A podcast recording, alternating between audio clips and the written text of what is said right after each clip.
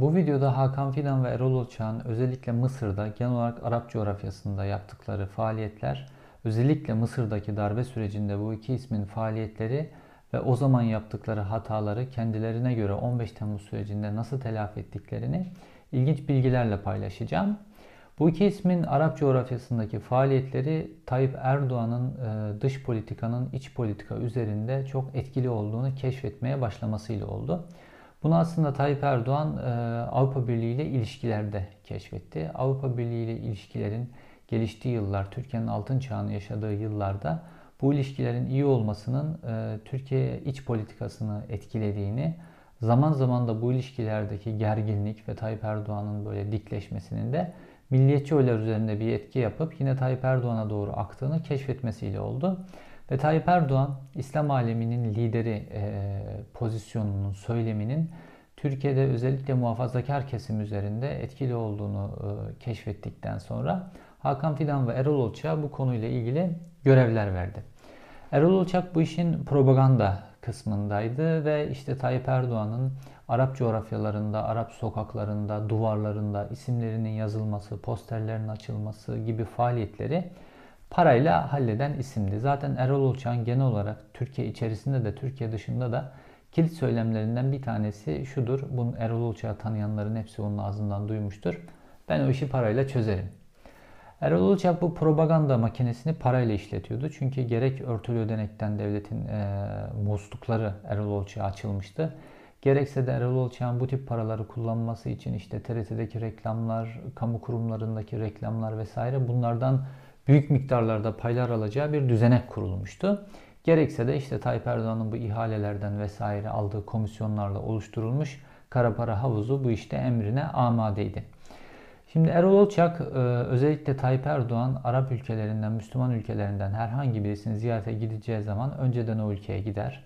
İşte böyle kast ajanslarıyla, konu mankenleriyle vesaire bunlarla çeşitli anlaşmalar yapar. Tayyip Erdoğan havalimanına indiğinde ne slogan atılacak, ne posterler açılacak, duvarlara ne yazılar yazılacak, sokakta kimler ne slogan atılacak, nasıl sevgi gösterileri yapılacak.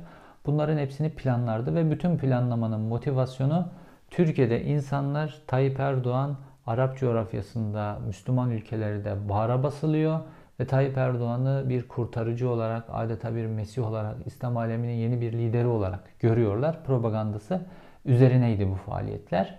Ve bu faaliyetler yaygınlaştırıldı. Tabi bu faaliyetlerin Arap coğrafyasında, sokakta da küçük de olsa bir karşılığının olduğunu da söylemek gerekiyor. Fakat bu Erol Ulçak'ın marifeti değil, o yıllarda Türkiye'nin Batı ile ilişkileri, hani böyle Müslüman bir ülke ama Avrupa Birliği üyesi olmaya gidiyor. Batı ile de ilişkileri iyi, işte ekonomisi giderek kalkınıyor, demokrasisi giderek güçleniyor.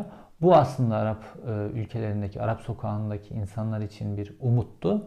Fakat bu umut e, daha sonra yerini hüsrana bıraktı. İşte bu hüsrana bıraktığı yıllarda da iç politikada bunun yerini hüsrana bıraktığının görünmemesi için Erol Olçak'a daha çok iş düştü.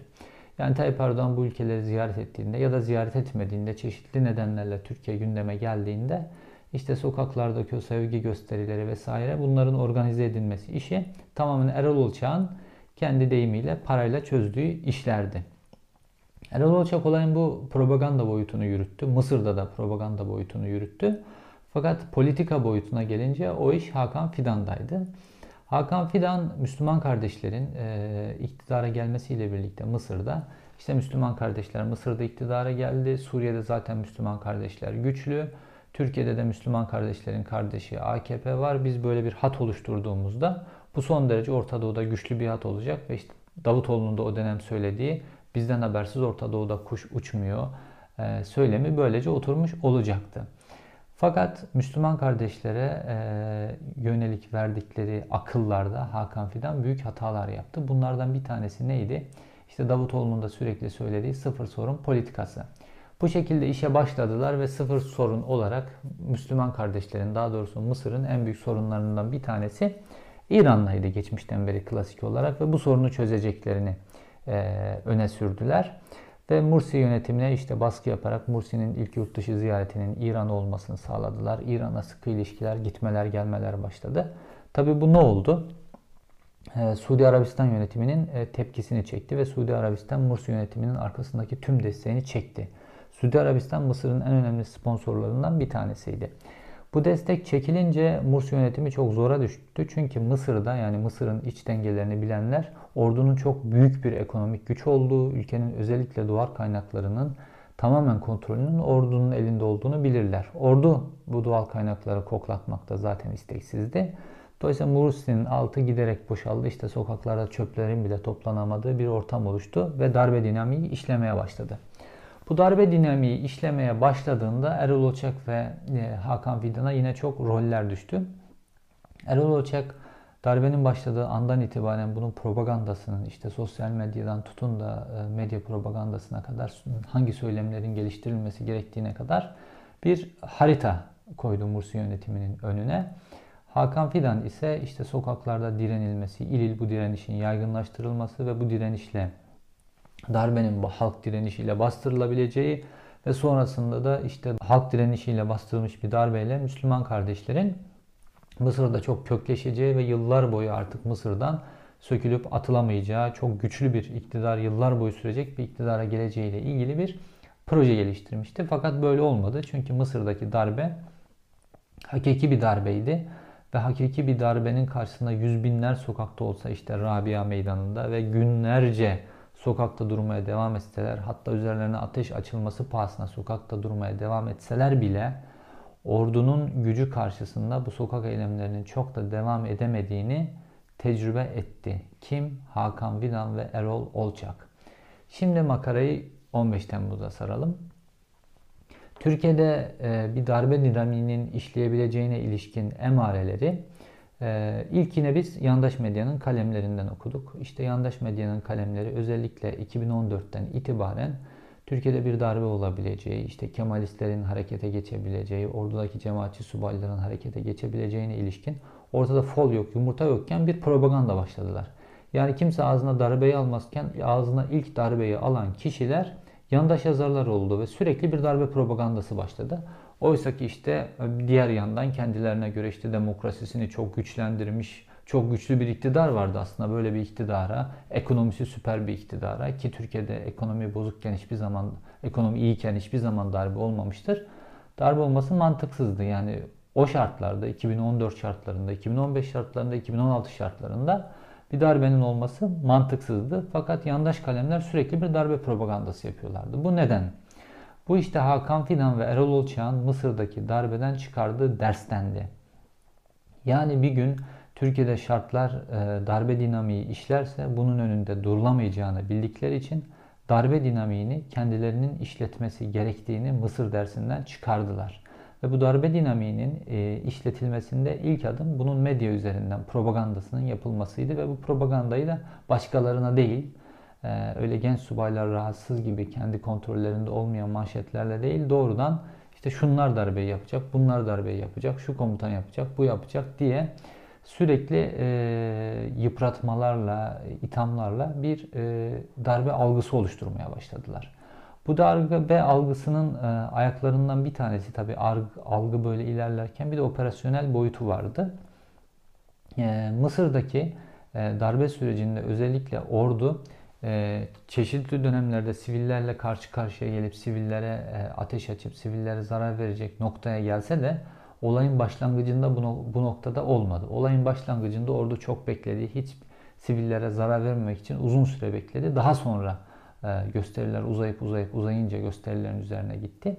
İşte burada özellikle halkın tepkisinin çok çok daha yüksek olması, e, halkın e, bir bütün olarak bütün kesimleriyle ordunun karşısında durması sadece bir iktidar partisi ve onun destekçilerinin değil de çok önemli olduğunu burada gördüler. Çünkü Mısır'da böyle bir şey olmamıştı.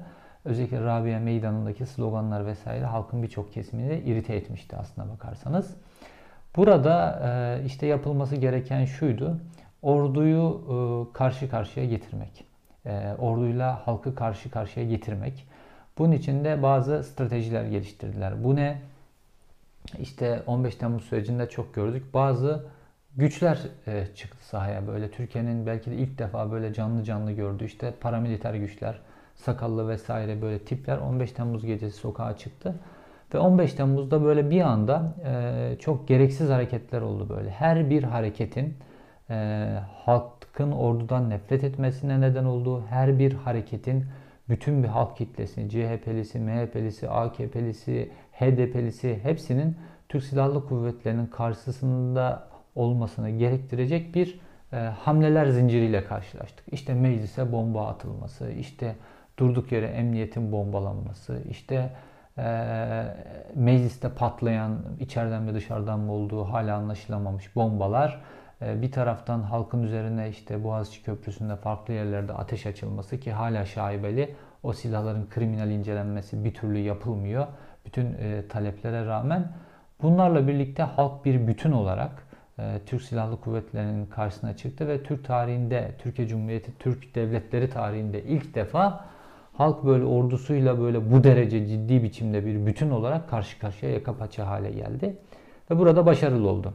Tabii ki işte böyle kum kamyonlarının e, hazır hale getirilip sürülmesi, sel, sela okunması vesaire bunların hepsi planlanmış şeylerdi ve bunların çalışmaları yapılmıştı. Hani nasıl Türkiye'de 12 Eylül'de mesela işte bu bayrak hareket planı vardır mesela. Türk Silahlı Kuvvetleri oturmuş 6-7 ay çalışmış bir planlama yapmış. O planlamada işte belediyeler ne olacak, e, polis teşkilatı nasıl ele geçirilip etkisiz hale getirilecek, iktidar üyeleri ne yapılacak bunun gibi bir sürü ayakları var. Bakabilirsiniz çok detaylı.